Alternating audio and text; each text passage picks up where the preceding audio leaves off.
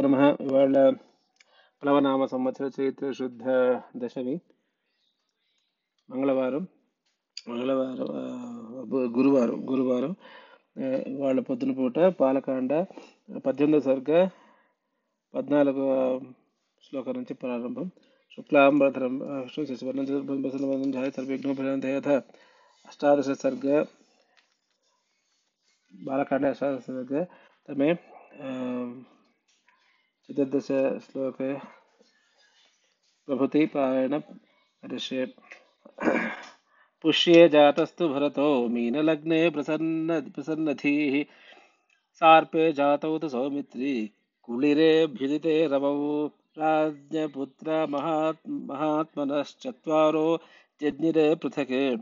गुणवन्तोऽनुरूपाश्च, रुच्या प्रोष्ठपदोपमाः। जगुः कालञ्च गन्धर्वा ननृतुश्चाप्सरो गणाः देवदुन्दुभौ नेदुः। पुष्पवृष्टिश्च खाच्युता खाच्युता, उत्सवश्च महानासीदयोध्यायां जनाकुलः। रथाश्च जनसम्बन्धा, नटनर्तकसङ्कुलाः, गायनैश्च विरा, विरावीण्यो, वादनैश्च तथा परैः प्रदेयाश्च ददौ राजा नु सूत मागधवन्दिनां ब्राह्मणेभ्यो ददौ वित्तं गोध, गोधनानि सहस्रशः। अतीत्यैकादशाहं तु नाम कर्म तथाकरोत्। ज्येष्ठं रामं महात्मनं। भरतं कैकेयीसुतं सौमित्रीं लक्ष्मणमिति शत्रुघ्नमपरं तथा। वसिष्ठः पर्वप्रीतो नामानि कुरुते। తదా ఇక్కడ పదకొండు దినముల తరువాత నామకరణము జరిగను. ఆనంద పరి భరిత భరిత హృదయుడైన వశిష్ఠుడు జ్యేష్ఠుడగు కౌసల్యాపుత్రులకు రాముడనియు కైకేయీ పుత్రులకు భరతుడనియు సుమిత్రాపుత్రులకు లక్ష్మణ శత్రుఘ్నులనియు నామధేయము చేసెను. విశేషార్థం రమంతే సర్వే జనా గుణై అస్మిన్ ఇది రామः అను వ్యుత్పత్తి చేత సర్వజనులను సద్గుణములచే సద్గుణములు బట్టి ఎవని విషయమున ఆనందవంతులగుదురో అతడు రాముడు అని రామ శబ్దార్థము. లక్ష్మీ అన్య ఆసక్తి లక్ష్మణ. సంపద శోభ కలవాడు లక్ష్మణుడు. ఇది భరత. రాజ్యమును భరించునవాడు కావున భరతుడు. శత్రువును హంతి ఇది శత్రుఘ్న. శత్రువులను చంపువాడు శత్రుఘ్నుడు. క్షత్రియులకు క్షత్రియులకు జాతాశౌచము పన్నెండు దినములు అని శృతులలో ఉన్నది. క్షత్రియులకు నామకరణము పదమూడవ రో దినము చేయవలనని స్మృతులలో ఉన్నది. అందుచే ఏకాదశాహం అను పదమునకు లక్ష్మణ శత్రుఘ్నులు పుట్టిన తరువాత పదకొండు రోజులు దాటిన తరువాత అని అర్థం చెప్పు చెప్పుకోవాలనని గోవిందరాజుల వ్యాఖ్య. అట్లయినను రామ భరతులు పుట్టిన పదమూడవ దినమునైన సౌమిత్రులు పుట్టిన పన్నెండవ దిన దివసమే కదా. వారి జా ఉన్నట్లే కదా. స్మృతికర్త అయిన వశిష్ఠుడు ఏకాదశ దివసానంతరము నామకరణము చేసినాడని చెప్పినప్పుడు మనకు ఈ వికల్పము ఎందుకు? రామభరతులకు ఒకనాడు సౌమిత్రులకు మరొకనాడు నామకరణం చేసి ఉండవచ్చు కదా. జాతకర్మకు వలె నామకరణ నామకరణము కూడా సూతక నిషేధము ఆనాడు లేదేమో. మన భావాలు సంప్రదాయాలు ఆచారాలు ప్రాచీన గ్రంథాల్లో చేర్చి వ్యాఖ్యానించట యుక్తము కాదు. వాక్యార్థం యథాతథముగా గ్రహించి ఇది ఆనాటి పరిస్థితి కదా అని అనుకున్నట యుక్తము. బ్రాహ్మణాన్ భోజనాన్ భోజయామాస పౌరాన్ జానపదానపి అదద్బ్రాహ్మణానాం చ రాత్రోఘమమితం బహు तेषां जन्मक्रियादीनि सर्वकर्म कर्माण्यकारयत्। तेषां केतुरिवज्येष्ठो रामो ऋतिकरः पितुः रामो रतिकरः पितुः। बभूव भूयो भूतानां स्वयं भूरिव सम्मतः सर्वे वेदविदः शूराः, सर्वे लोकहिते रताः सर्वे ज्ञानसम्पन्ना, सर्वे समुदिता गुणैः। तेषामपि महातेजा रामः सत्यपराक्रमः। इष्टः सर्वस्य लोकस्य शशाङ्क इव निर्मलः। गजस्कन्धे स्वपृष्ठे च रथचर्यासु सम्मतः, धनुर्वेदे च निरतः, पितृशुश्रूषणे रतः। बाल्यात् प्रभृति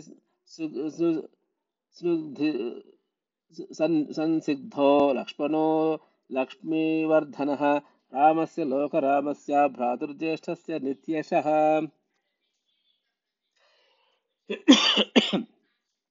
सर्वप्रियकर्तस्य रामस्यापि शरीरतः। लक्ष्मणो लक्ष्मीसम्पन्नो बहिः प्राण इवापरः। न च तेन विना निद्रां लभते पुरुषोत्तमः।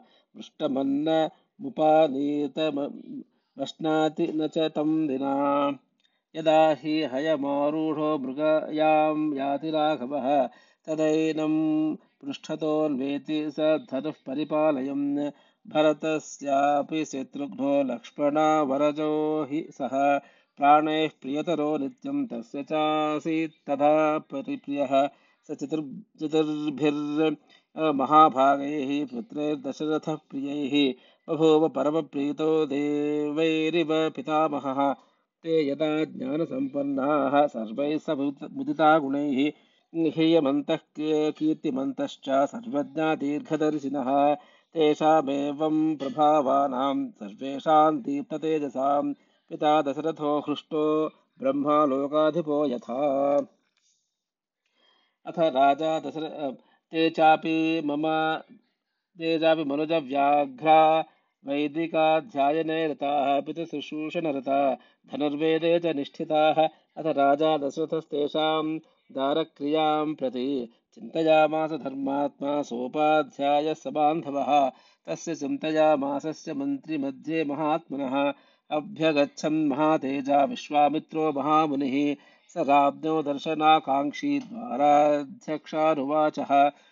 शीघ्रमाख्यात माँ प्राप्तं कौशिकं गाहिनः सुतं तच्छ्रुत्वा वचनं त्रासाद्राज्ञो वेश्म प्रदुद्रवुः।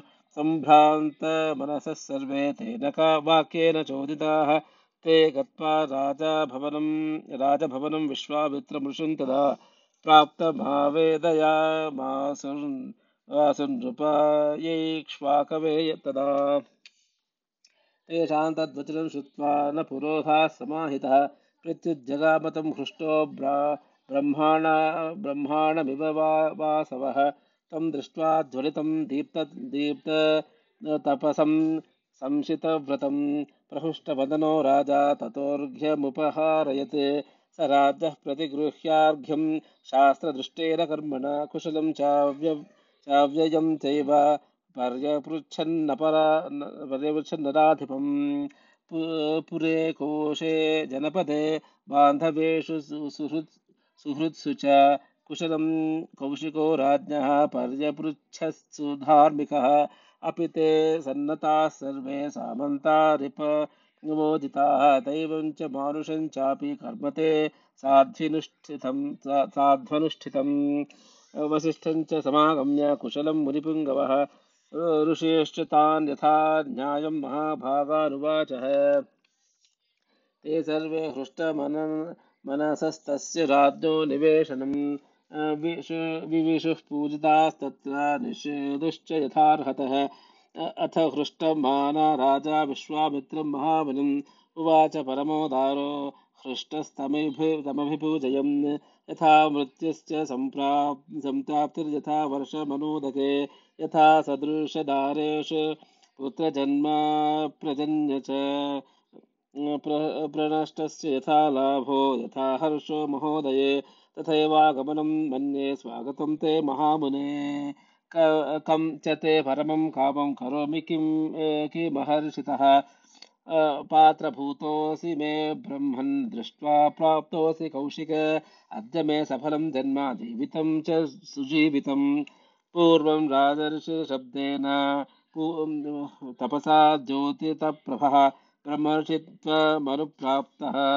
पूज्योऽसि बहुधा मया। तदद्भुतमिदं ब्रह्मन् पवित्रं परमं मम। शुभक्षेत्रगता गतश्चाहं। तपसन्दर्शनात् प्रभो। ब्रूहि यत्प्रार्थितं तुभ्यं कार्यमागमनं प्रति इच्छाम्यनुगृहीतोऽहं त्वदर्थपरिवृद्धये। कार्यस्य न विमर्शं च गन्तुमर्हसि कौशिक। कर्ता चाहमशेषेण दैवतं हि। भवान् मम मम मम मनुप्रो मनुप्राप्तो महानद्भ्युदयो द्विज तवागमनजः कृत्स्नो धर्मश्चानुत्तमो मम।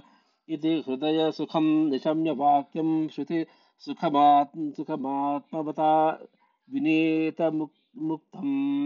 विनीतमुक्तं प्रथितगुणयशा गुणैर्विशिष्टः परम ऋषिः परमं जगामहर्षम्। इत्यार्षे श्रीमद् रामायणे आदिकाव्ये बालकाण्डे अष्टादशसर्गसमाप्तः स्वस्ति प्रजाभ्यः परिपालयन्तां न्यायेन मार्गेण महीमहेशः।